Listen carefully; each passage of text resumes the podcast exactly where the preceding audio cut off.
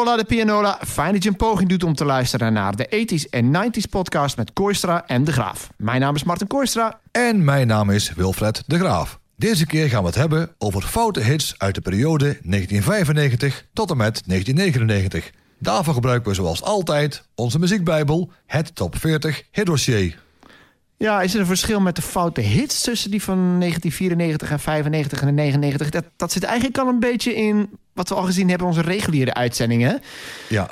Veel meer boybands, veel girlbands, veel meer gepreproduceerd, zullen we zeggen.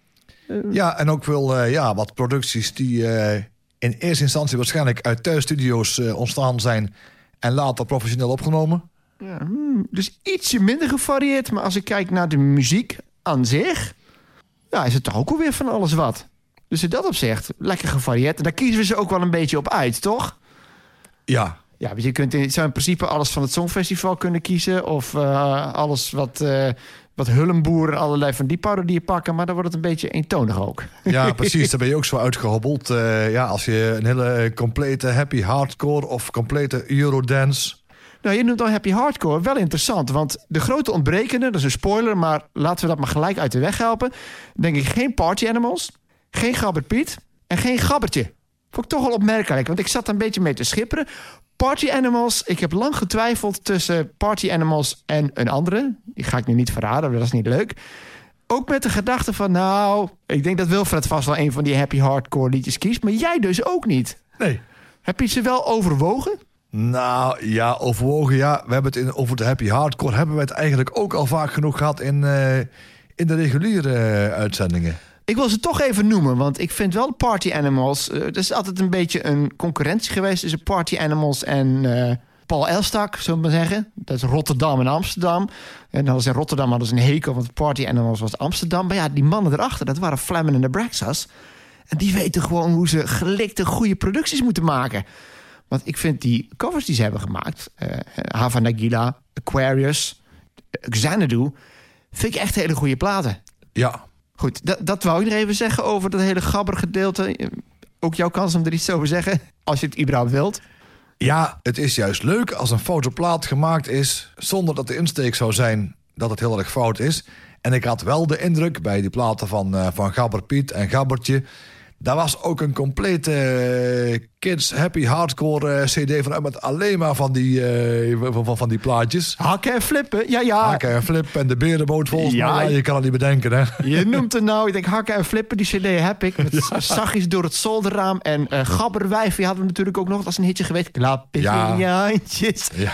Wel lachen. Bij deze in ieder geval genoemd. Ja, en ook de deurzakkers met Hak is lekker door. Hak is lekker door, ja. Hak is lekker Uiteraard door. ken jij die, ja. nou, de enige die ik nog even wil noemen... die, uh, die, die zat al bij onze aflevering over 90 en 94. Stel ik even te twijfelen of wie daaronder viel. Dat zijn Carlo en Irene met Pittige Tijden. Ken je oh. nog? Pittige tijden, het leven is een zure bom. Ja, ik heb... Oh, hier ben ja, ik ja. weer. Ik ben Orny en ik heb een pittig deuntje. Zing maar met me mee. Ja, ik heb die wel eens gezien op televisie. Ja, ja. Maar het is wel inderdaad voor mij ook hetzelfde argument. Het is te bewust fout. Ja. En het leidt wel weer af van een tv-programma. Dus we proberen toch een beetje... Hebben we eigenlijk toch gekozen voor kwaliteitsfout? Ja, en meteen een nieuw woord ontdekt. De 80's en 90's podcast met Oerstra Dus dan is het nu tijd voor ons top 10 van foute hits. En het betreft alleen liedjes die in de tweede helft van de jaren 90 in de top 40 stonden. We beginnen met het liedje dat de minst grote hit was. Nummer 10. It's tearing up my heart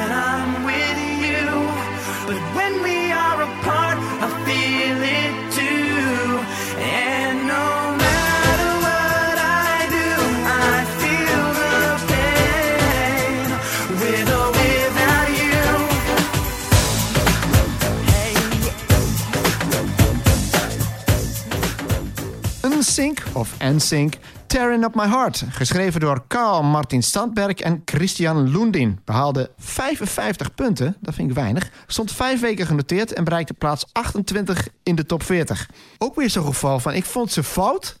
maar eigenlijk zat er wel behoorlijk wat talent achter. een beetje vergelijken met Color Me Bad. Want ik heb, ze, eh, ik heb wat live-opnamen gezien, ook van dit liedje. Omdat mijn vooroordeel bij dit soort boybands is van... Klinkt geweldig in de studio, maar live vallen ze door de mand... omdat er dan een geluidsband meespeelt... waar dan alle instrumenten op staan... en vaak ook nog een eigen backing vocalen... en dan blaten ze daar een beetje overheen. Maar bij NSYNC is dat niet. Daar wordt de muziek ook echt live gespeeld. Althans, in ieder geval die live beelden die ik zag. En zij zingen ook live mee. Dus zij konden wel wat, maar hadden denk ik ook het plaatje tegen. Ja, ik denk het wel. Maar goed, je, de, ja, je maakt de vergelijking met, eh met Color Me Bad. En dan zie ik ook wel een goede vergelijking. in. Mannen die er ook weer eh, ja, gewoon fris uitzien. En ook goede moves eh, hebben. Want qua dansen en zo allemaal, ja, het ziet er weer geweldig uit. Die mannen maken echt een show. Ik moet zeggen, als ik die videoclips kijk, I Want You Back... dat is eigenlijk een opvolger van I Want You Back. Dus dat was waarschijnlijk in Nederland de reden waarom het niet zo'n grote hit was. In de Verenigde Staten was Tearing Up My Heart als tweede single nog wel heel succesvol. Maar als je die choreografie ziet van die clip, denk ik... nou, die jongens die kunnen dit echt wel wat. En live doen ze het ook heel behoorlijk. Wat vind jij van NSYNC?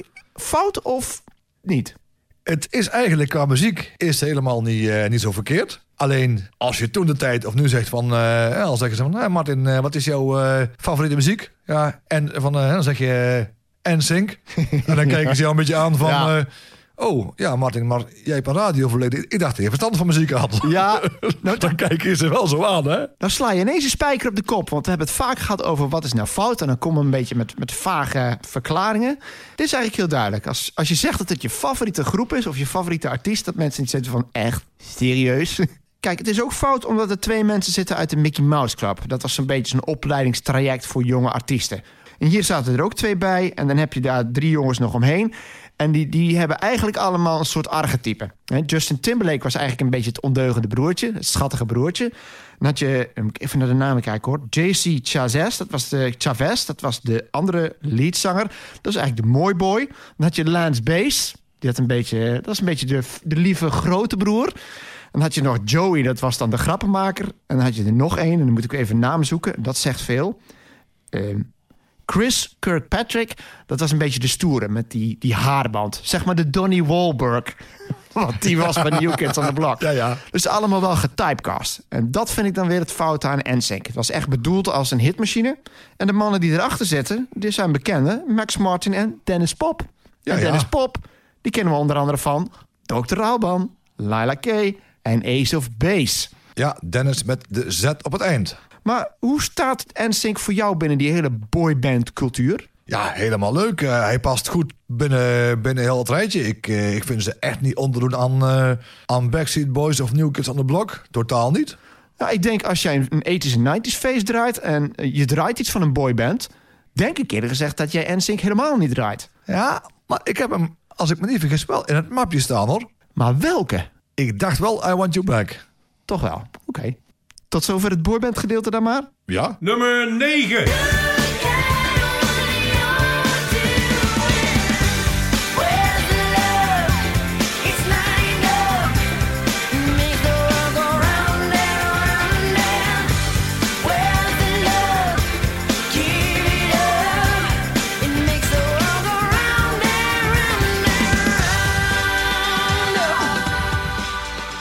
Ja, toch niet helemaal er vanaf, want dit is Hanson. Eigenlijk ook een boyband met Where's the Love. Geschreven door Isaac Hansen, Taylor Hansen, Zach Hansen, Mark Hudson en Sander Sellover. Behaalde 103 punten, stond zes weken genoteerd en bereikte plaats 15 in de top 40. Ja, Hansen, die vallen in een traditie. Ja, ik- ik vind het ook weer fout, want die zijn goed vergelijkbaar. Dat vind ik wel terecht. Met bijvoorbeeld de Jackson 5. Ja. De Osmonds. Dat vond ik een interessante. With Where's the Love, daar zit een middenstukje in... waarin die oudste broer een beetje een rauwe stem aanhaalt. En het doet heel erg denken aan Crazy Horses van Osmond. Crazy Horses. En daar zit ook een gedeelte in het midden... waar een van die Osmonds, vraag niet welke, ook zo aanhaalt. Ja, ik vind ze wel vergelijkbaar met de Osmonds... waar ook zo'n klein schattig jongetje natuurlijk in zat. Ja, en hier de jongste van de band was ten tijde van hun eerste album... waar ook Mbap op staat was die 11. Ze waren gewoon echt mannetjes. 11, 13 en 16 jaar. Maar ik vind deze leuker dan Mbap. Want Mbap, ja, ja. ik vind deze gewoon leuker. Ja. Ik, eh, ik vind een, eh, ja, een leuke plaat met een wat, eh, wat ruiger randje dan je zou verwachten van eh stukken jonge gasten. Ze klinken ook veel volwassener. Het is echt een, eh, een radioplaat die door, door weinig mensen gehekeld zal worden. Toch? Ja, dat ik denk Hansen met een mbap. En je ziet dan drie van die eh, jonge gastjes, van die kindertjes dan met lange haren. Een soort Kelly family van de jaren negentig in dat opzicht. En denk ik, ja, Hansen was toch echt iets voor, voor jonge meisjes. Ook in de videoclip van Where's the Love zie je allemaal eh, beginnende tieners staan. En echt, echte pubers en zo. Dat slaat toch niet aan bij een volwassen publiek? En het kan heel goed zijn dat eh, mensen niet meteen per definitie afgaan op, eh, op de videoclip... of de videoclip misschien helemaal niet gezien hebben. Nee, maar het is, het is weer het plaatje, hè? Je denkt, daar zit een soort marketingmachine achter. Maar ook bij Mbap, eh, of Mbap, bij Hansen, ook Mbap trouwens, maar zelf geschreven. Ja, En die jongens die hebben ook heel lang zitten leuren om een, eh, om een platencontract te krijgen. En pas toen ze instrumenten zijn gaan bespelen, hebben ze echt die doorbraak kunnen maken. En dit liedje hebben ze zelf geschreven. Dus ook hier zit ik er weer naast. Het idee van het plaatje maakt het fout. Maar dit zijn eigenlijk hele getalenteerde muzikanten die een gevoel hadden gewoon voor wat werkt. Want dit is een hele volwassen plaat, vind ik. Nummer 8. You and me, baby, ain't nothing but mammals. So let's do it like they do on the Discovery Channel. Do it again now. You and me, baby, ain't nothing but mammals. So let's do it like they do on the Discovery Channel.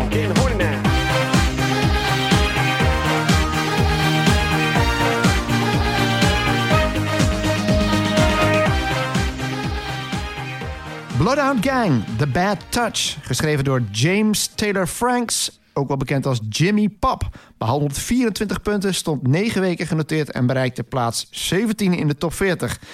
En dit is een liedje waarvan bijna niemand weet dat het de bad touch heeft. Maar als wij de tekst zeggen van het refrein, dan weet iedereen... Ah, Ja, you ja, and me, baby, ain't nothing but mammal. So let's do it. Like they do on the Discovery Channel. En dan weet iedereen om welk liedje het gaat. Doe het nou. Ja, en Bloodhound Gang was ook wel bewust fout. Maar dit liedje is zo'n aanstekelijke dansplaat. Die hebben altijd Ja. een beetje tussen de frat rock gezeten, zoals dat heet. Een beetje richting die offspring qua muziek. Dus een beetje punk rock. Maar altijd met een dikke vette knipoog. En naar hun missie was eigenlijk om zoveel mogelijk mensen te kwetsen. Want daar gaan we ons beter doorvoelen. Sommige mensen die namen dat wat serieus. Maar er was één platenmaatschappij die bedacht... wij zien hier de hummel van in. En zo waar, toen kwam er eigenlijk een vrij slecht liedje.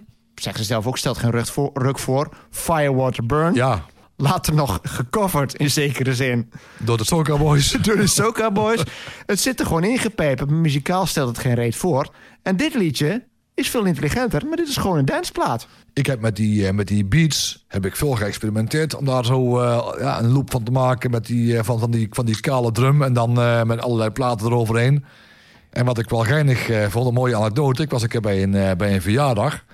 En er was een, iemand die wij samen ook kennen, Sanne. Die hoorde op een uur een, wat, wat er een plaat werd ingestart. Dat was bij, een, bij een feestje heel erg gewoon van een MP3-systeem. Dat was Divine met Shoot Your Shot. En Over met- fout gesproken. over fout gesproken.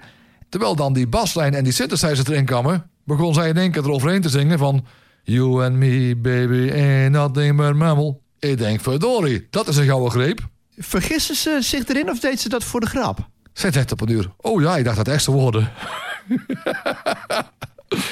Ja, en de Bloodhound Gang is zo gek als een deur. Ik heb een keer een concert van hun gezien in de Effenaar. Ja, dat was ook, eh, ging helemaal nergens over. Die teksten gaan ook allemaal gewoon, of niet allemaal, heel veel over seks. En een liedje dat heet gewoon 3.14. Heeft volgens mij te maken met de lengte van het geslachtsdeel. Dat heet dan I need to find a new vagina.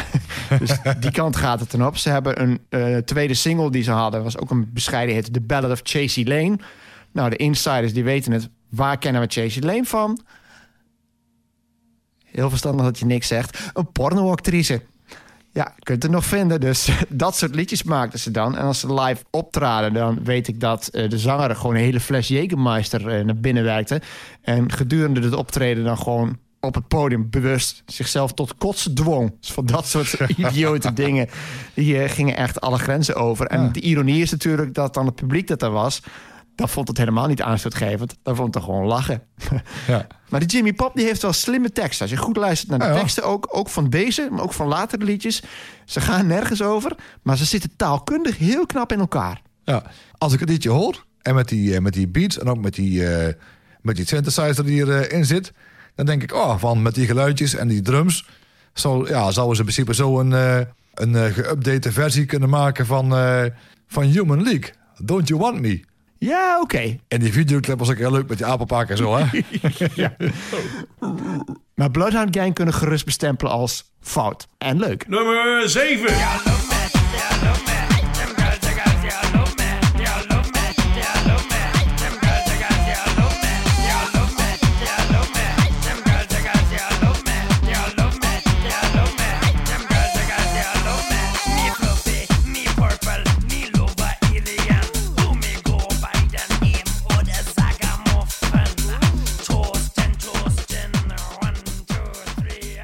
Zik en Zack, Damn Girls.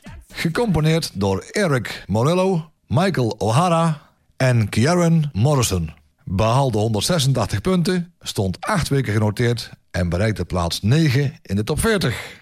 Ook weer een, eh, een plaatje met een eh, bepaalde herkenbaarheid die je terug, eh, terugziet bij het vermelden van de componisten. Erik Borillo, ja. Jazeker, want die is uiteraard bekend van Real to Real. Juist. Je hoort het overal in.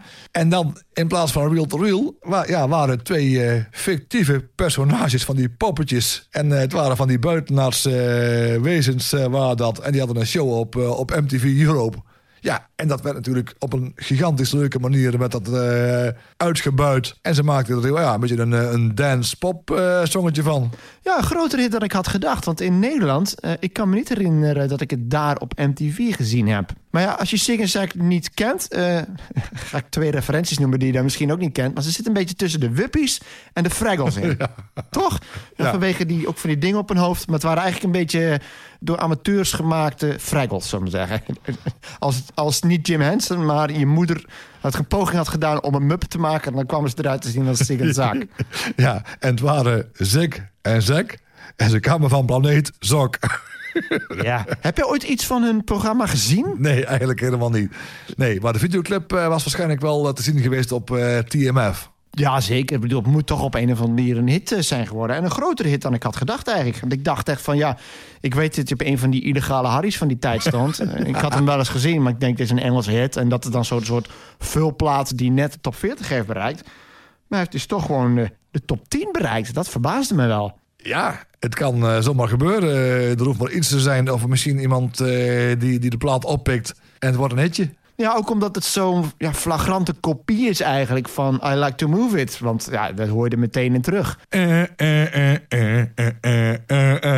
dan ga je vanzelf met je hoofd al een beetje van je nek af eh, schudden. Van dat je denkt, oh ja, dat is, eh, dat is gewoon grappig. Ja, ik moet zeggen, er, er is niet zoveel navolging geweest van Real To Real. Je had natuurlijk nog Go On Move en nog een paar op, obscure plaatjes. Maar het is niet zo dat die stijl van muziek nou heel veel is overgenomen. Dus eigenlijk heeft hij nog een keer voortgeborduurd op die formule. En ja, die waren de mensen nog niet beu. En Nee. wellicht dat ook wat MTV-fans dat hebben overgenomen. Ik moest trouwens, toen ik Sing en Zak er een beetje in ging verdiepen... moest ik meteen denken aan nog een ander figuur, ook een pop... van het Eurovisie Songfestival. Weet je nog? Ierlande Douze Point. De, misschien wel de beruchtste inzending van het Eurovisie Songfestival ooit. Een kalkoen. Juist, Dustin the Turkey. Ik moest daar aan denken en toen ging ik ook eens uitzoeken... van hebben die twee met elkaar te maken? En ik noem hem, dus je weet het antwoord al... Jazeker, die hebben zelfs in hetzelfde programma gezeten... want Sing en Zak die begonnen hun carrière op de Ierse televisie... en daar zat nog een andere pop bij en dat was Dustin the Turkey. Alleen Sing en Zak die hebben dus waarschijnlijk vanaf 93 hun eigen programma gekregen op MTV... en Dustin the Turkey... Die bleef op die eerste televisie. Maar terug nog naar Sing en Zak. Eigenlijk valt er niet zo heel veel meer over te zeggen. Want ze hebben verder geen hits gehad volgens mij, toch? Ik heb er niks Nee. over kunnen vinden eigenlijk. Nee, gewoon één, eh, één plaat, één hitje. En ik denk ook een vergeten liedje, toch? Je Hoor, hoor je er wel eens op de radio? Nee, eigenlijk eh, niet. Ook niet bij het foute uur van, eh, van Q of bij 538. Maar ik heb die wel een keer, was bij Helmond, eh, in Helmond Brouwhuis, bij eh, Café Bruhezen, was er een keer een, eh, een popquiz. En echt, het is echt ongelogen waar. Voordat er één woord gezegd werd aan het geluid van de voren, hoorde ik al en schreef ik al op, zig en zeg, damn girls. Ja, maar er zit een soort intro in. Dat kan ik me nog niet helemaal voor de geest halen. Maar ken je de intro nog van The Twist van Chubby Check en de Fat Boys? Het is, het is alsof er iets valt. En voordat er überhaupt een instrument gespeeld is... en dat is bij Sick en Zaak ook een soort ruimtegeluid of zo? Ja, zoiets voor. Ja, een of ander geluidje was dat. Net als, eh, als dat je ook wel eens hoort bij het begin van. eh, voor, die, eh, begin, voor, het, eh, ja, voor de muziek echt begint. Bij de tune van Flodder. Oh ja, dat hebben we ook een keer gehad. Ja, dat is een niet zo interessante anekdote, maar er zat een soort reclamegeluidje voor of zoiets. En dat was standaard voor Flodder. Dus voordat überhaupt die muziek was begonnen van... tum, tudududum, wist iemand al, zat iemand al te schrijven van... Dit is, Ja, Joyce Weber. ja. ja, wel zeker. De naam is genoemd. Nummer 6.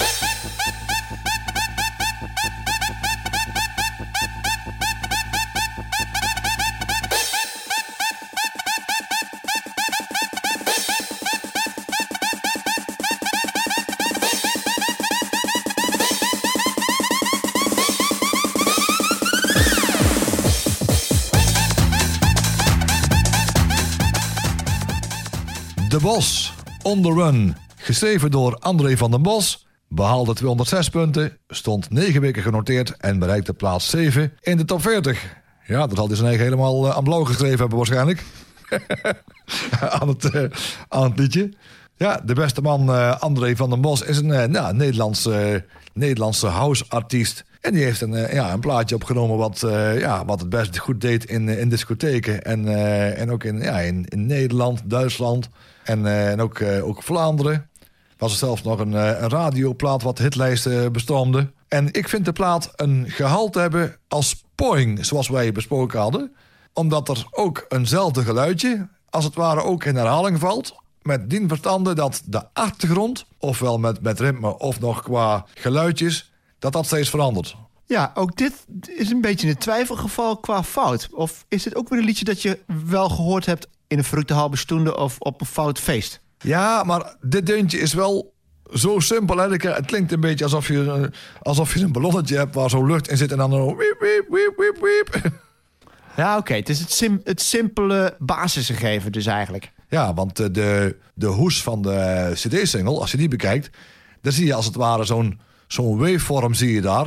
En dat kan goed dat ene geluidje zijn hoe het rechtstreeks uit de sampler komt. En dan in waveform. Het grappige is, want ik- ik zei al in de vorige uitzending hadden we het over Poing. En De Bos die had daar een remake van gemaakt. En het grappige is, daar gebruik je hetzelfde effect in als in On The Run. Je hebt dan... Exact hetzelfde effect gebruikt hij bij Poing ook. Vond ik wel grappig. Dus ja, die link met Poing is niet geheel toevallig.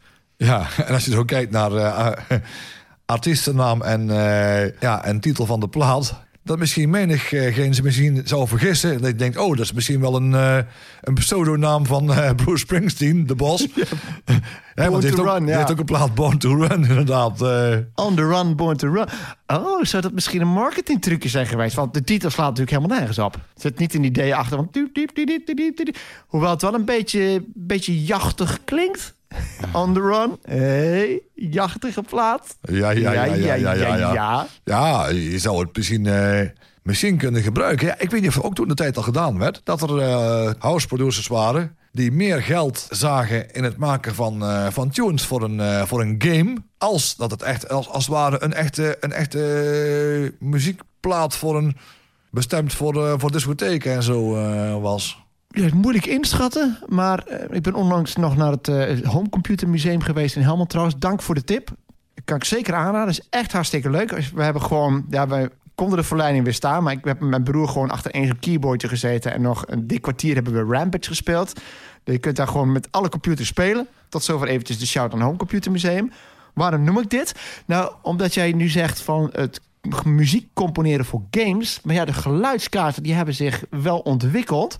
Ik denk alleen niet dat in de tijd van de Bos... Weet je zo welk jaar het is?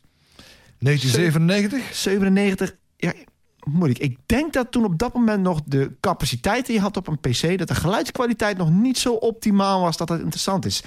Denk ik, want dat ging wel heel snel in de jaren 90. Maar Van de Bos, ja, dat is dan een pseudoniem. Hij heeft verschillende pseudoniemen, maar hij heeft ook niet onder andere namen nog soloprojecten uitgebracht, volgens mij. Of wel? Heb je nog iets kunnen vinden? Of ken je nog iets van de Bos? Of Nee, eigenlijk niet. Ja, ik heb wel kunnen vinden dat hij wel eh, onder de naam De Bos wel... dat hij een, eh, een nummer uitgebracht had eh, genaamd Chase. Maar ja, als je zegt genaamd Chase, dan klinkt het al van... Ja, het zal wel, het zou wel. en in 2009 nam hij een, een remake op van On The Run.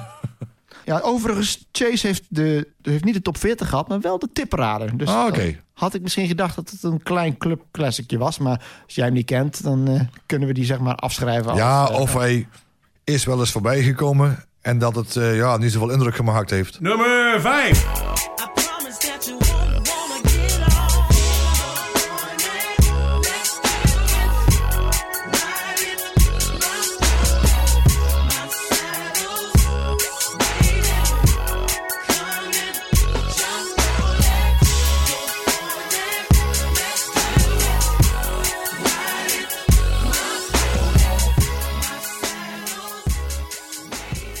Genuine Pony, geschreven door Elgin Lumpkin, Stephen Garrett en Timothy Mosley. En die is ook bekend als Timberland. Behaalde, eh, net als de Bos overigens, 206 punten. Stond 9 weken genoteerd en bereikte plaats 7 in de top 40. Dus exact hetzelfde als de Bos. Maar Genuine staat op 5, omdat hij drie weken op nummer 7 stond. En de Bos maar één week. Ja, en Pony, dat is wel eh, een van de ultieme seksplaten uit die tijd. Ja, ja, ik heb het er ook staan op, mijn- met mijn steekwoorden. Dus gewoon de, de seksplaat bij uitstek. Ja, if you're horny, let's do it, ride it, my pony. Dat is op zich niet zo vreemd, want ja, zijn twee grote invloeden zijn hierin terug te horen. Hij was een fan van Prince. Ja, Prince en seks, dat past wel bij elkaar. Ja. En Michael Jackson. En daar zit hij qua stem wel in de buurt, want hij heeft een tijdje eh, wat geld verdiend als imitator van Michael Jackson. Eh, Dus hij heeft ook dat, die sixpack en dan die muziek. Ja, de combinatie van de achtergrond Prince, Michael Jackson en Timbaland. Ja. Pak die drie bij elkaar in een nieuwe verse mix. En je hebt Genuine. En een geweldige plaat. Maar ja, vanwege dat nadrukkelijke seksgehalte... en echt zo'n strippersplaat, zou ik maar zeggen... wel heel fout. Ja, ik zou bij God niet weten hoe het, hoe het artiest moest uitspreken, joh.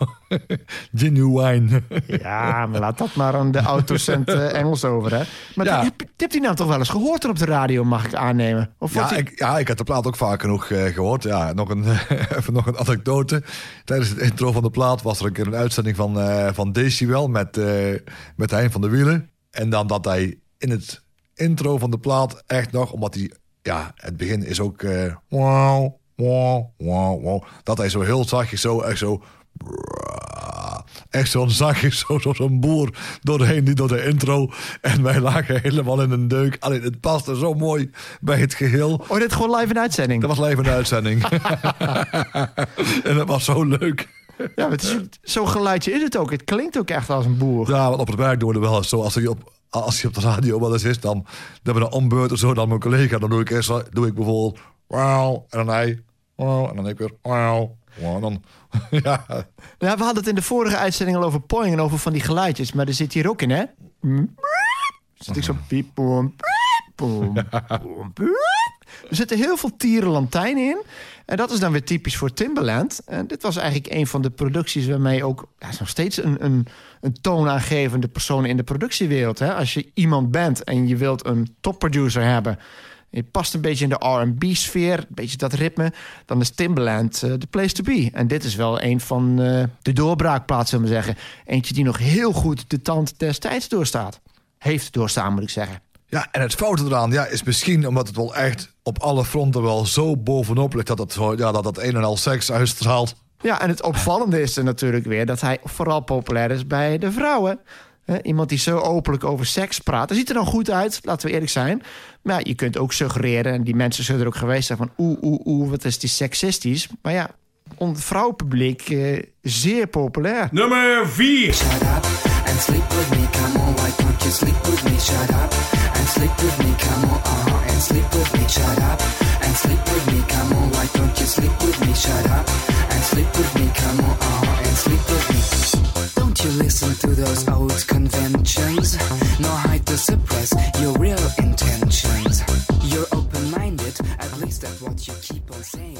Sin with Sebastian, Shut Up and Sleep With Me. Geschreven door Sebastian Rood. Behaalde 278 punten, stond 10 weken genoteerd... en bereikte plaats 4 in de top 40. Ja, dat is echt alle remmen los. Een vrolijke uptempo danceplaat. Zo gay als het maar zijn kan. En ik vind het helemaal geweldig hè, tijdens het draaien... Tijdens het draaien in de club, dan stijgt er zo'n leuke sfeer eh, op bij het opzetten van het eh, liedje. Maar had één simp... Nou, truc wil ik het niet noemen. Maar ik weet dat de, de Pet Shop Boys dat ook vaak gedaan hebben. Het maakt nergens duidelijk dat het, eh, dat het gaat over een homoseksuele relatie. Ja, dat klopt. Misschien is het eh, daarom... Ja, ja misschien ja, dat, dat, dat is de, de subtiele dance. Nou ja, als je ziet hoe die eruit ziet, ik vind hem een kleurrijke Mark Elmond. ja, zoiets ongeveer eh, inderdaad. Hij heeft wel dat typische Duitse accent dat erin zit. Hè? En dat maakt het dan echt Dus campy. ja, dus ja, hij zou wat dat betreft een beetje zo'n eh, personage kunnen zijn uit eh Allo Allo. Ja. En er komt ook nog die zang eroverheen, die vrouwelijke zang, die buitengewoon hoog is. Why don't you sleep with me? Nou ja, daar vraag ik me ook af. Ik heb het niet uitgezocht. Is dat een zangeres of is dat een man die op zijn Gerrit Joling zingt, zullen we zeggen, met falsetto? Poeh, dat is een goeie. Ik twijfel nog altijd. Gezien gooien- de achtergrond daarvan. Ja, we gooien hem in de groep. Dat is de huiskamervraag. Maar jij noemt het dus geen chique dance. Nee, ik vind het meer een soort van feestcafé eh, gehalte hebben. Oké, geen nephews Nou, ja, die heb ik wel eens gedraaid. Maar dan, eh, als ik een, eh, een blokje deed naast de reguliere eh, dance- en house eh, sets... Als ik een blokje draaide met, ook met ABBA, Dolly Dots en van die foute plaatjes zo... dan deed ik ook wel eens Sin met Sebastian. Ja, ze staat dus wel ergens achteraf in een mapje. Maar je Ja. het nog niet zo snel tevoorschijn halen. Nee, het was geen standaardplaat in een, eh, in een set. Nee, er is er wel trouwens een, een anniversary remix van. Ik weet niet waar dat op staat. Want anniversaries, dat is meestal een lustrum. Maar in 2023, het liedje komt uit 1995... dus ter gelegenheid van het 28-jarig jubileum... is er een eh, best aardige remix gemaakt. Meer een update eigenlijk. Ietsje sneller en met een moderne beat. Ja, is best goed te hebben. Ja, zeker. Ik heb hem ook eh, geluisterd. Was, was leuk. Ja, maar ja, ook dit is een fout vanwege de coverversies. Ehm jij noemde het eerder al. We hadden het aan het einde van onze vorige uitzending... had je het over hele goedkope smurfenliedjes. Iets van real to real, geloof ik. Nou, voeg er maar aan toe. Ik zie wat jij niet ziet. Ik zie, ik zie wat jij niet ziet. Ik zie wat jij niet ziet. Ik zie, ik zie wat jij niet ziet.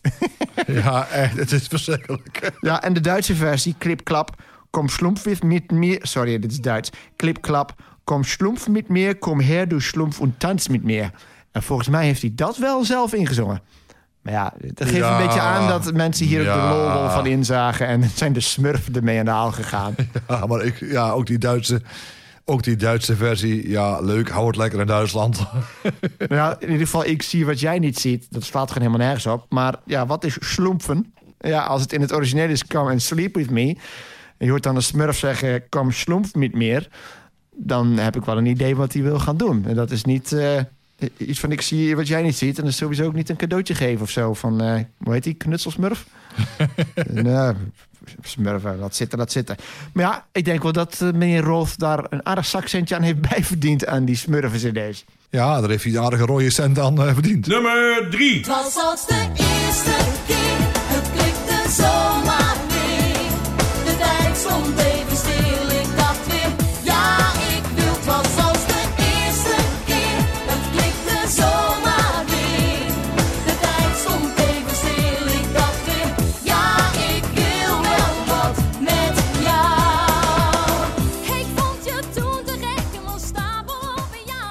Maxine en Franklin Brown, de eerste keer. Geschreven door Peter van Asten en Piet Sauer. Hey! Ja, strepen door, eerste rijtje. Behaalde 288 punten, stond 11 weken genoteerd... en bereikte plaats 6 in de top 40. Potverdorie, er is hier toch een Piet Sauer, het icoon van begin jaren 80, Doris D en de Pins en volgens mij ook de Dolly Dots uit die periode. Een aantal hits gehad. En dan ineens komt hij met een van Ja. de meest succesvolle Songfestivalplaten. Ja, ik vind het ook een heel leuk liedje... met een hoog, eh, een hoog Dancing Queen eh, gehalte. Ah, speelden ze daarop in? Ja, ja. Vind ik zelf dan persoonlijk, hè? Ja, dit, dit klopt wel. Qua ritme heeft het inderdaad wel wat. Ja, want ze hebben er ook een, eh, een Engelstalige versie van gemaakt. maar die heb ik niet beluisterd overigens, hoor. Ja, het was als... Ik probeerde te bedenken hoe die, die tekst gaat. Maar ik wist niet dat er een Engelstalige versie van stond. Misschien de B-kant dan van de single? Ja, Ah, oké. ja dat werd vaker gedaan, hè? Toen de tijd, eh, ja, ook in de jaren 80, als er dan een, eh, een plaat was in het Nederlands... dat die dan ook in het Engels bijvoorbeeld eh, als B-kant was. Ja, je hebt natuurlijk, nou ja, als we het toch over Songfestival hebben... want voor degenen die niet weten, dit was een Songfestival-hit. Net al genoemd trouwens, maar bij deze dan nog een keer. Dingedang van Tietjen, de voor Duncan Lawrence... de laatste Nederlandse winnaar van het Eurovisie Songfestival. Die kennen we ook in twee versies. Dingedong en Tikketak. Ja, ja. En daar is dan ook de Engelse versie de grote hit geworden. Die Nederlandse versie, die kennen weinig mensen. Tikketak, eh tikketak, eh uren, hoe lang zou het duren? Ja, zoiets volgens Tikketak, mij. al die uren. Tikketak, al die uren, hoe lang zal het duren? Tikke, tikketakken, dan bim, bam, bom, de tijd was om. Maar ja, het was, eh, het was toen de tijd dus zo dat ja, na het debakel van het Eurovisie Songfestival 1994, waar Willeke Alberti gewoon roemloos eronder ging met, eh, met Waar is de Zon. Toen was, de, was het waarschijnlijk eventjes crisisberaad eh, bij het comité voor het eh, Nationaal Songfestival. En ja, ze hebben weer ja, alle registers opengetrokken. En toen kwam er een, een gelegenheidsduo. Die hadden dus een liedje dus, ja, de eerste keer. En uiteindelijk werden hun dus winnaar van het Nationaal Songfestival. En uiteindelijk zevende van de 23 op het Songfestival zelf. Ja, dat is niet onaardig. Ja, je noemde crisisberaad, maar dat was een uitschieter. Want ik heb even gekeken naar hoe Nederland deed in die tijd. Maar je had ook nog... ehm oh, ben ik zijn naam kwijt. Die heeft niet eens een hit gehad. Wat in ieder geval Rut Chacot met Vrede. Die zat daar twee jaar voor, in 94. En daarvoor had je ook nog Humphreys. eh, ook dat, die was zevende geworden. En je had het jaar hierna natuurlijk Atsilia Rombly met Hemel en Aarde. Dus Nederland deed het helemaal niet zo slecht. Het echte debakel kwam eigenlijk zo in de, de, in de 21ste eeuw... toen gewoon zes of zeven keer achter elkaar niet eens de finale haalden. Ja, want, ja, want eh, qua, qua mix en ritme zou dus eh, Vrede de eerste keer en helemaal aan aarde in één mix passen. Ja. En dan weet ik niet wie Vrede geschreven heeft... maar Atsilia Rombly weet ik in ieder geval dat eh, Henk Temming daarbij betrokken was... Ja, en dan noem je toch wel iemand als songwriter. En hier halen ze ook gewoon weer Piet Sauer en Peter van Asten. Volgens mij zijn het toch Jansen en Janssens? Onderhand wel, hè? ja, dan haal je die van stal en dan werkt dat toch. En dat werkt beter een oude ervaren producer van stal halen...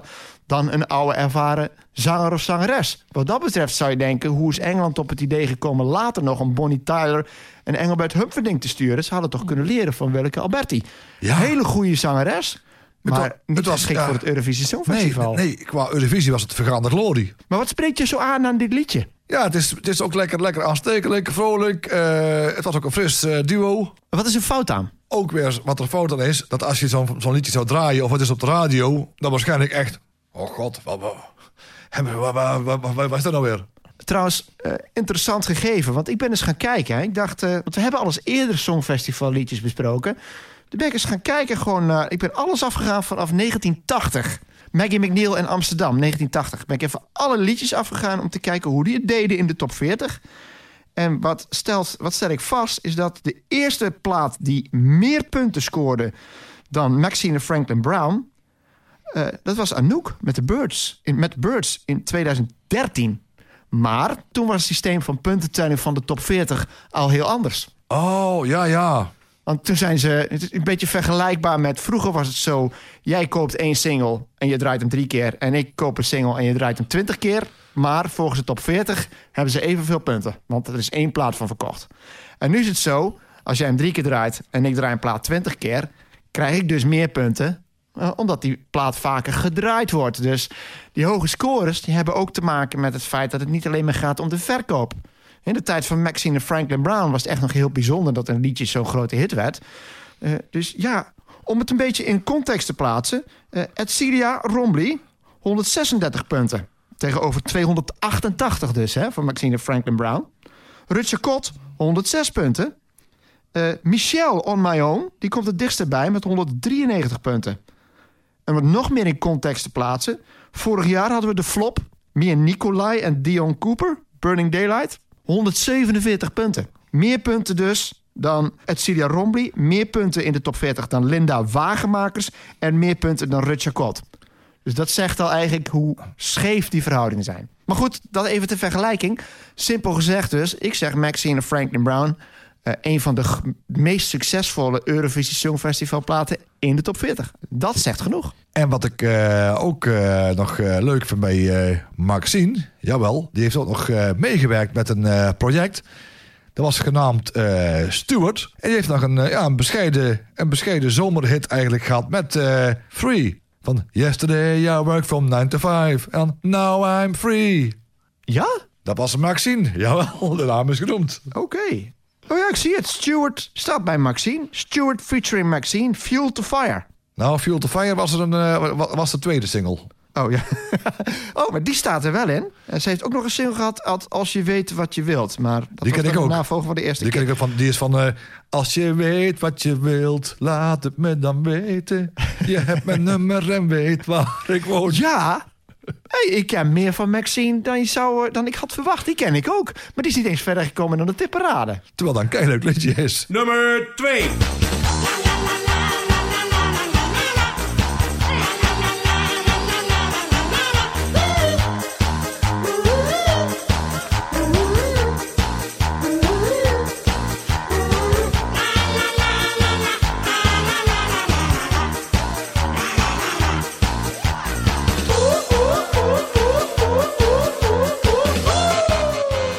Of the Town, La La Song. Geschreven door Koen van Broekhoven en Marvin Binderhagel. Behaalde 291 punten, stond 10 weken genoteerd en bereikte plaats 4 in de top 40. Ja, de La La Song. Je zult het niet geloven, maar over het producersduo zelf is eigenlijk ook niks tot heel weinig te vinden. Behalve dat ze ja, de, de resident DJ's waren van een, eh, een club in Tilburg. De Talk of the Town. De discotheek ligt echt in het hart van Tilburg. En ik heb een aantal jaren in Tilburg gestudeerd. Ik woonde er niet, maar ik ging wel altijd met de trein.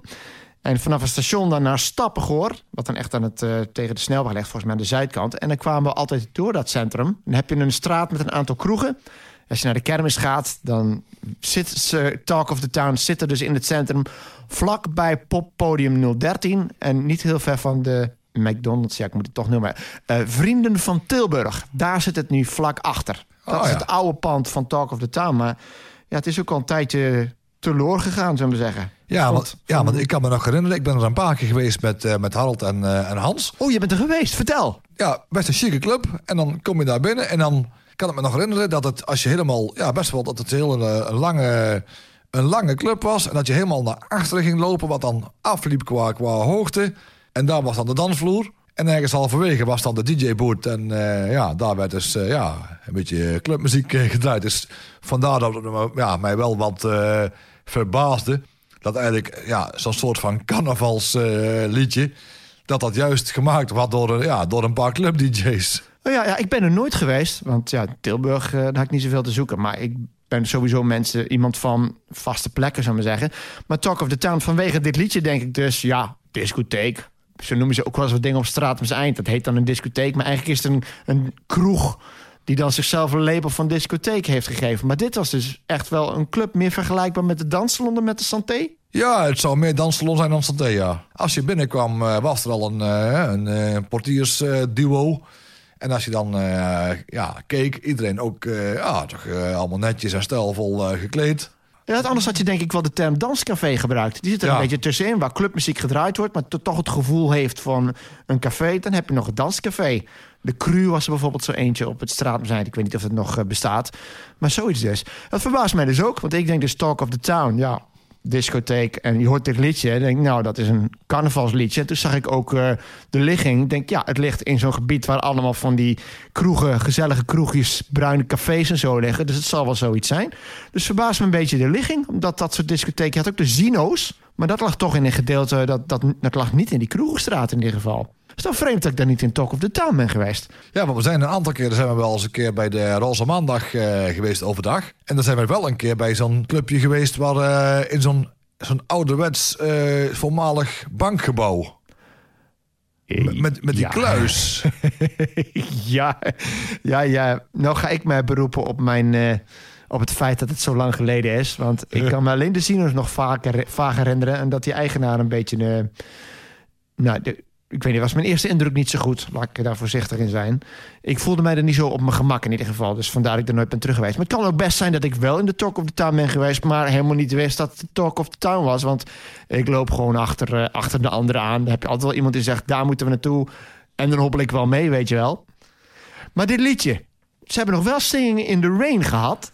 Ja. Ook wel geinig, maar echt zo'n la-la-la liedje, dat... Ja, Ja, het La La La is een plaat waar je eigenlijk... eh, ik denk dat er eigenlijk geen tussenweg is van... eh, of vindt het gewoon leuk, of denkt, ah, het is verschrikkelijk. Ja, het is een beetje vergelijkbaar met, eh, hoe heet het? Eh, Die heb je ook zo'n van een café is dat. Hey baby, oeh, ah. Ah, dat is ja. in ieder geval ook een Nederlandse versie van Ja, gemaakt. dat was van eh Cool Down Café. Ja, ook alweer zoiets. En ik vind hem ook veel lijken op Pinocchio. Omdat er ook een Ja, break in zit. een Van temp- ja, een- Een break, een tempowisseling. En dan ineens gaat het ook naar een soort happy hardcore tempo. Ja, ja, het begint ja, ja. eigenlijk met, Ja, denk ze rond de 130 ppm of zoiets. ja. En dan bouwt het op, dan, dan op het laatste en is het ineens vol gas. Maar ik vind, eh, ik vind in die eh, La La Song, ik vind er meer in zitten als er veel mensen zouden denken. Want je hoort ook hè, iedere keer eh, oeh, hè, zo'n zo'n eh, oeh geluidje en van die klapjes. En, Ik bedoel, we hadden het over Don't Laugh in de vorige uitzending van Wings. Ja, dat, dat is ook zo'n liedje waar je misschien wel om moet lachen, maar eh, op een vervelende, nageestige manier. Dit is een liedje waar gewoon wel vrolijk van wordt, toch? ja, ja. Maar ja, was het iets dat je buiten, buiten de Talk of the Town ook draaide? Of valt het dan toch een beetje van... Is het dan toch te fout daarvoor? En ook in die tijd, want jij draaide in die tijd natuurlijk ook al. Ja, als eh, normaal, normale plaat in een, eh, op een feestje of zo eigenlijk niet. Maar met carnaval, met, met, met carnaval dan wel, eh, ja, was er wel een leuke, eh, ja, wel een leuke binnenloper. Oké, ga ik even kijken nog wanneer die uitkwam precies. Want was het een carnavalsplaat? Ik had het idee dat het een, best een zomerse plaat was, maar ik kan me vergissen. Ja, het zou best kunnen hoor. Alleen ja, als zodanig heb ik hem eh, nooit, nooit beschouwd. Ik, ik beschouw hem een beetje als carnaval. Nou, dat is niet onterecht, want de plaat kwam binnen op 7 januari 1995. Hij stond Ah, 10 weken ja. genoteerd. Dus ervan uitgaande dat carnaval ergens in februari was... Ja. was dat het moment waarop u waarschijnlijk eh, gepiekt heeft. En een, eh, en een plaat die, eh, die ze ook gemaakt hebben, Talk of Town, was uh, Zigeunermeisje. Zat een klein zigeunermeisje, huilend op een steen. En die plaat was ook bij elkaar gejat bij het leven, want eh, de beats zullen ongetwijfeld eigenlijk vandaan gejat zijn. Het intro was van, eh, van Shannon, Let the Music Play, van... Juist. En dan eh, de beats kwamen zo. Het leek een beetje denken aan, eh aan Giovanotti, eh eh Libera L'Anima, een klein beetje. En dan hoorde je een keer zo eh, James Brown. One, two, three, four. Zat een klein zigeunermeisje. Zat een klein, zat, zat een klein. oh, dat helemaal en dan, ja. Een beetje Mankenelis en de Bellboys. eh, De Bellbeats, ja. Bellbeats, ja, ja, ja, ja, ja. Ik dacht eerlijk gezegd, ja, je noemde die titel. En de eerste waar ik aan moest denken, waren er twee verschillende trouwens. Maar ik moest denken aan One Two Trio. Klinkt het een beetje als dat? Welke? Ja, One Two Trio, dat is toch allemaal hetzelfde? Die had toch Ja. ook iets met eh, tien kleine dwergjes of zoiets? Tien kleine kaboutertjes? Ja. eh. Van de ene kant wel. Alleen, het zou wel, eh, het zou wel kunnen. Alleen, de Talk of the Town... die had dan wel ja, meer elektronische achtergrond... qua, ja, qua muziek, qua instrumentaal. Ja, dat klopt. One Two Trio is meer folk, maar ik, ik had Ja. een beetje het idee dat het zo'n liedje was. Maar ik, ik zit ook met het liedje in mijn hoofd van tien kleine kleutertjes, geloof ik. Dat een beetje zelfde insteek qua tekst, dus... Zat een klein zigeunermeisje, tien kleine kleutjes, die zaten op een hek. dat niveau dus. Ja, dan zou je dus eh, een beetje kunnen, kunnen veden met, eh met tien kleine tuinkabouters houdend op een steen. Is hij leuk, klein zigeunermeisje? nou, ook wel vaak, eh, ook wel vaak gedraaid. Hè? Want dan eh, de hoek die erin zit, die het meest eh, meegezongen wordt, is van... eh, na, na, na, na, na, na, na, na, na, na. Ah, Oké. Talk of the Town. Is het trouwens uitgebracht onder Talk of the Town of TOTT? Want die afkorting hebben ze volgens mij Ja, ik ook vaak gebruikt. Dat kan ik- eens verwarrend zijn. Ik dacht, zelf, ja, ik dacht zelfs ja, want dan ben ik, op die plaat zelf ben ik geattendeerd door, eh, door Hans, dacht ik. En het kan goed zijn dat die plaat van eh Zigeunermeisje, dat die helemaal nooit op, eh, ja, op een niveau qua verkoop geraakt is, dat hij het op, het op 40 bereikte. Ja, ik vraag het ook, en dat vermoed ik al. Ze hebben nog twee singles gehad. Die hebben allebei niet de top 40 gehaald. De ene was Get Up. En die is uitgebracht onder officiële naam TOTT. En de Quack Quack Song. Wat denk ik eh, een remake is of een remix is van Ronald en Donald. Als je ooit een keer nog naar een kermis gaat, bijvoorbeeld in Tilburg, daar kom je hem ook wel tegen. Waar je met van die hengeltjes moet gaan vissen naar eentjes. Dan is de kans vrij groot dat je of Ronald en Donald hoort.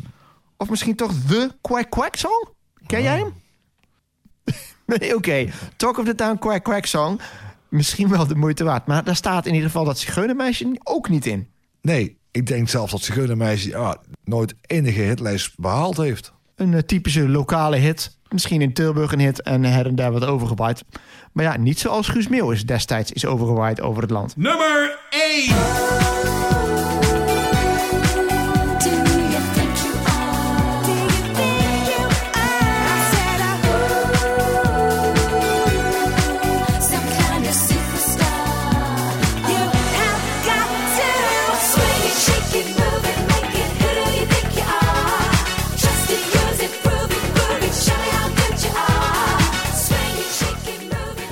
Spice Girls. Who Do You Think You Are, geschreven door Spice Girls, Andy Watkins en Paul Wilson. Behaalde 429 punten, stond 15 weken genoteerd en bereikte plaats 2 in de top 40. Ehm, tot mijn grote verbazing blijkt dit op basis van het puntensysteem van de top 40 in ieder geval... de grootste hit te zijn geweest van de Spice Girls. En ik denk dat jij, mag ik hopen in ieder geval... ook misschien wel dacht dat dat Wannabe was. Ja, Maar het is dus niet zo. Ik, wist wel dat het een lekker le- liedje was en dat het een hit was... maar toch niet groter dan Wannabe. Maar goed, de cijfers liegen niet. En eh, Spice Girls, ja... Ook zij zijn op eigen initiatief samengekomen, maar wel met het idee van wij moeten een producent vinden die ons groot gaat maken. En we gaan ons richten op de, de tienermeisjes en de jonge meisjesmarkt. En dat hebben ze goed gedaan. Maar toch ook weer geprefabriceerd. In dit geval alleen door de dames zelf. Dus Spice Girls al een aantal keer genoemd. Maar toch fout. En dit vind ik een hele goede plaat. Ik vind hem een heerlijke, heerlijke groove hebben. En fantastische plaat. Goede radioplaat. Mijn favoriete plaat van de Spice Girls. Die Ja. hebben wel wat goede liedjes. Het was alleen een dubbele A-kant met Mama. Ja, en we hadden het over Jantje Smit, weet je wel. Met eh, Mama, je bent de liefste van de heen. Oh, dat is Heintje. Die heeft hij waarschijnlijk ook gedaan. Maar ik vond Mama vond ik een zeiklied. Mama, I love you. Ja. Ja, nee. Het is ongetwijfeld met goede bedoelingen voor moederdag of zo. Maar ik vond dat een zeikliedje. En Who Do You Think You Are vond ik dat weer heel goed. Dus heb je wat mij betreft het slechtste van de Spice Girls... met het beste van de Spice Girls. Ja, want als ik de plaats zou moeten eh, omschrijven... in welk genre ik het zou eh, stoppen... dan zou het bij mij vallen onder een soort van 90s disco fever. Ja, het zit qua tempo is het eh lekkere opwarmplaat. Het is een beetje te traag voor, eh, voor het echte hoogtepunt. Maar Ja? het heeft wat funky invloeden, zou ik zeggen. Ja. Echt, eh, ja. Ik vind de gitaar... Ik zou bijna zeggen dat... Nou, bijna zeggen, maar niet helemaal... dat Nile Rodgers er iets mee gedaan heeft. Maar het is, het, is, het is niet echt een Nile Rodgers groove. Maar dat gevoel heeft het wel. Het leuke is, dit liedje is ook eh, geparodieerd voor Red Nose Day. In eh, Engeland hebben ze, of het Verenigd Koninkrijk moet ik zeggen... hebben ze jaarlijks een, een avond, dat heet Comic Relief. Daar staan komieken veel als centraal. En die maken dan filmpjes... waarbij ze dan onder andere muzikanten uitdagen... om een parodie te maken. Be- bekendste voorbeeld natuurlijk Cliff Richard en the Young Ones. Ja, Living Doll. Gevolg daarvan. En zo'n videoclip is er ook van Who Do You Think You Are. Ken je die videoclip? Überhaupt ooit gezien van Do You Think... of kun je die nog voor de geest halen? Waarschijnlijk wel ooit gezien. waarschijnlijk ooit gezien. Ja. Het leuke is, dan heb je French and Saunders zitten erin. En, en nog een paar minder bekende. Kathy Burke zit er onder andere ook in. En als eh, gast, gastactrice Lulu. Natuurlijk, de zangeres die al wat ouder was. Die speelt de moeder van Jennifer Saunders. En die gaan dan verkleed als eh, Sugar Lumps. Zo noemen ze hun groep dan. Een parodie op Spice Girls. En dan gaan ze daar een optreden van de Spice Girls. Eh, en dan krijg je een videoclip waarin je eerst de Spice Girls ziet. De oorspronkelijke video. Dan wordt het afgewisseld met de nep Spice Girls. Dan vervolgens zie je ze samen. En uiteindelijk worden ze door elkaar gemonteerd. En het leuke is, op het moment dat ze door elkaar gemonteerd worden... weet je vaak even niet zeker meer van... is dit nou de echte of is dit de nep eh, Spice Girl? Echt heel leuk gedaan, leuke videoclip. Het geeft ook aan dat de Spice Girls bereid waren... om zichzelf op de hak te nemen. En dat vind ik ook leuk aan het liedje. Maar ik vind het echt een, een dijk van een plaat. Geweldig geproduceerd. Ja, en eh, ja, als ik hem eh, in een, eh, zou draaien in een, in een 90s blokje... dan zou het in de categorie vallen met bijvoorbeeld eh M-People. Moving on Up. Ja, of One Night in Heaven. Oh, die ken ik even niet. Maar Moving One on Up, daar moest ik wel gelijk aan denken. Ja, van One Night in Heaven, One Night in Heaven. Ik zit ook te denken, ja, ik denk maar hardop hoor, maar eh, bijvoorbeeld Wanna Be Starting Something van Michael Jackson. Ik, ik Ja, ook, ook maar eens iets erin. lekker. Of, eh, of misschien ook zelfs nog eh Grooves in the Heart van D-Light. Oeh, ja, dan zitten we weer in de 90s. Ik denk aan Michael Jackson is jaren 80. Oeh, daar kun je een leuk blokje van maken. Ja. Heb je het wel eens gedaan eigenlijk? Geprobeerd?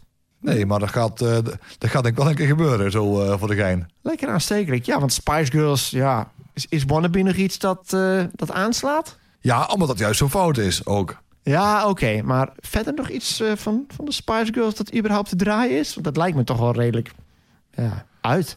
Ja, ik zie je al, Ja. je moet al nadenken. Ja, precies. Want Dat is al een slecht teken, Ja, precies. Want, ja, precies. Want op, eh, op de radio hoor je wel eens eh, van eh, stop right now. maar ja, dat is ook, dat is ook geen, geen, ja, geen kroegenplaat eigenlijk meer. Ja, Say You'll Be There was natuurlijk ook weer een Die kan ik niet eens voor de geest halen. Voor mij is dat een ballad. Uh, say you'll be there, of niet? ja, dat doet vaag. Tonight is the night when to become one. Weer zo'n zijkliedje. Spice Up Your Life vind ik een beetje overgeproduceerd. Spider be life. Wow. Too Much. Ook weer een ballad. Stop. Ja, Viva Forever, Goodbye was er weer voorbij. Zoveel hits hebben ze eigenlijk niet gehad, denk ik dan. Nou ja, zoveel hits niet gehad. Het zijn er toch eh, vijf... Toch elf singles waarvan er, eh, waarvan er acht top 10 hebben gehaald. Boah. En ze hebben natuurlijk ook niet zo lang bestaan. Maar voor mijn gevoel hebben ze veel meer hits gehad. Ja. Intuïtie. Hm. Het heeft denk ik meer indruk gemaakt. Ja. Goed. Spice Girls hebben het al wat over gehad. Daar nog iets over te zeggen eigenlijk? Nee? podcast met en Dan terugkijkend op fout jaren 90. Eh boybands, girlbands. Vooral boybands eigenlijk. Weinig girlbands, alleen de Spice Girls. Ja. Een poppetjes eh, duo. Zeker Ja, zaak. dat ook. Ja, ik zit nog even bij die girlbands. Maar we hebben er ook al eh, enkele besproken in ieder geval. Ja, Close to You en Bewitched. Kunnen we Ja. toch ook wel bestempelen als fout? Ja, Dat, eh, zeker. Ja. We hebben eigenlijk die jongensbands een beetje achter de hand gehouden hiervoor. Het is allemaal een beetje geprefabriceerd. Ja. En ja, verder eigenlijk niet zoveel over te zeggen. Ja, natuurlijk, Eurovisie Songfestival is fout. Ja. Is, Ja. eigenlijk, is eigenlijk alles van het Eurovisie Songfestival fout? Niet meer, denk ik. Denk in die tijd wellicht wel, maar sinds eh, Anouk... eh, sporadisch. Ik denk die van afgelopen jaar eh, dat je die wel als fout kunt bestempelen. Ja. En het foutste Eurovisie Songfestival liedje vanuit Nederland zal toch denk ik wel E-mail to Berlin blijven, of niet? Nou, die heeft de eindronde niet gehaald. Nee, dat, dat ook, maar toch misschien wel de foutste Eurovisie Songfestival eh, inzending die we ooit hebben gehad. Nou, daar moet ik heel... Ja, dat is op basis van hoe het optreden live eh, was. Want de studioversie is nog niet eens zo gek. Want die is ook eh, geproduceerd door... ja, volgens mij nog door een, paar, ja, door een gerenommeerde... Je waren niet Vlammen en de Braxas? Ja, Dat weet ik wel zeker. Ja, dat waren Flemmen en de Baxters, ja. Ja, oké, het is alleen... De vraag is, kun je dat liedje nog horen? Zonder dat je denkt aan die, aan die vreselijke uitglijers. Oh. Dat is het. Daarom is het denk ik fout. Niet vanwege het liedje zelf, maar vanwege de reputatie ook weer. Ja, en verder eh zijn we een beetje uitgeluld, denk ik. Ja, Ja, nou ja, daarmee komt een einde aan deze aflevering ook weer van deze podcast. en wederom fijn dat je wilt luisteren. Houdoe. En bedankt.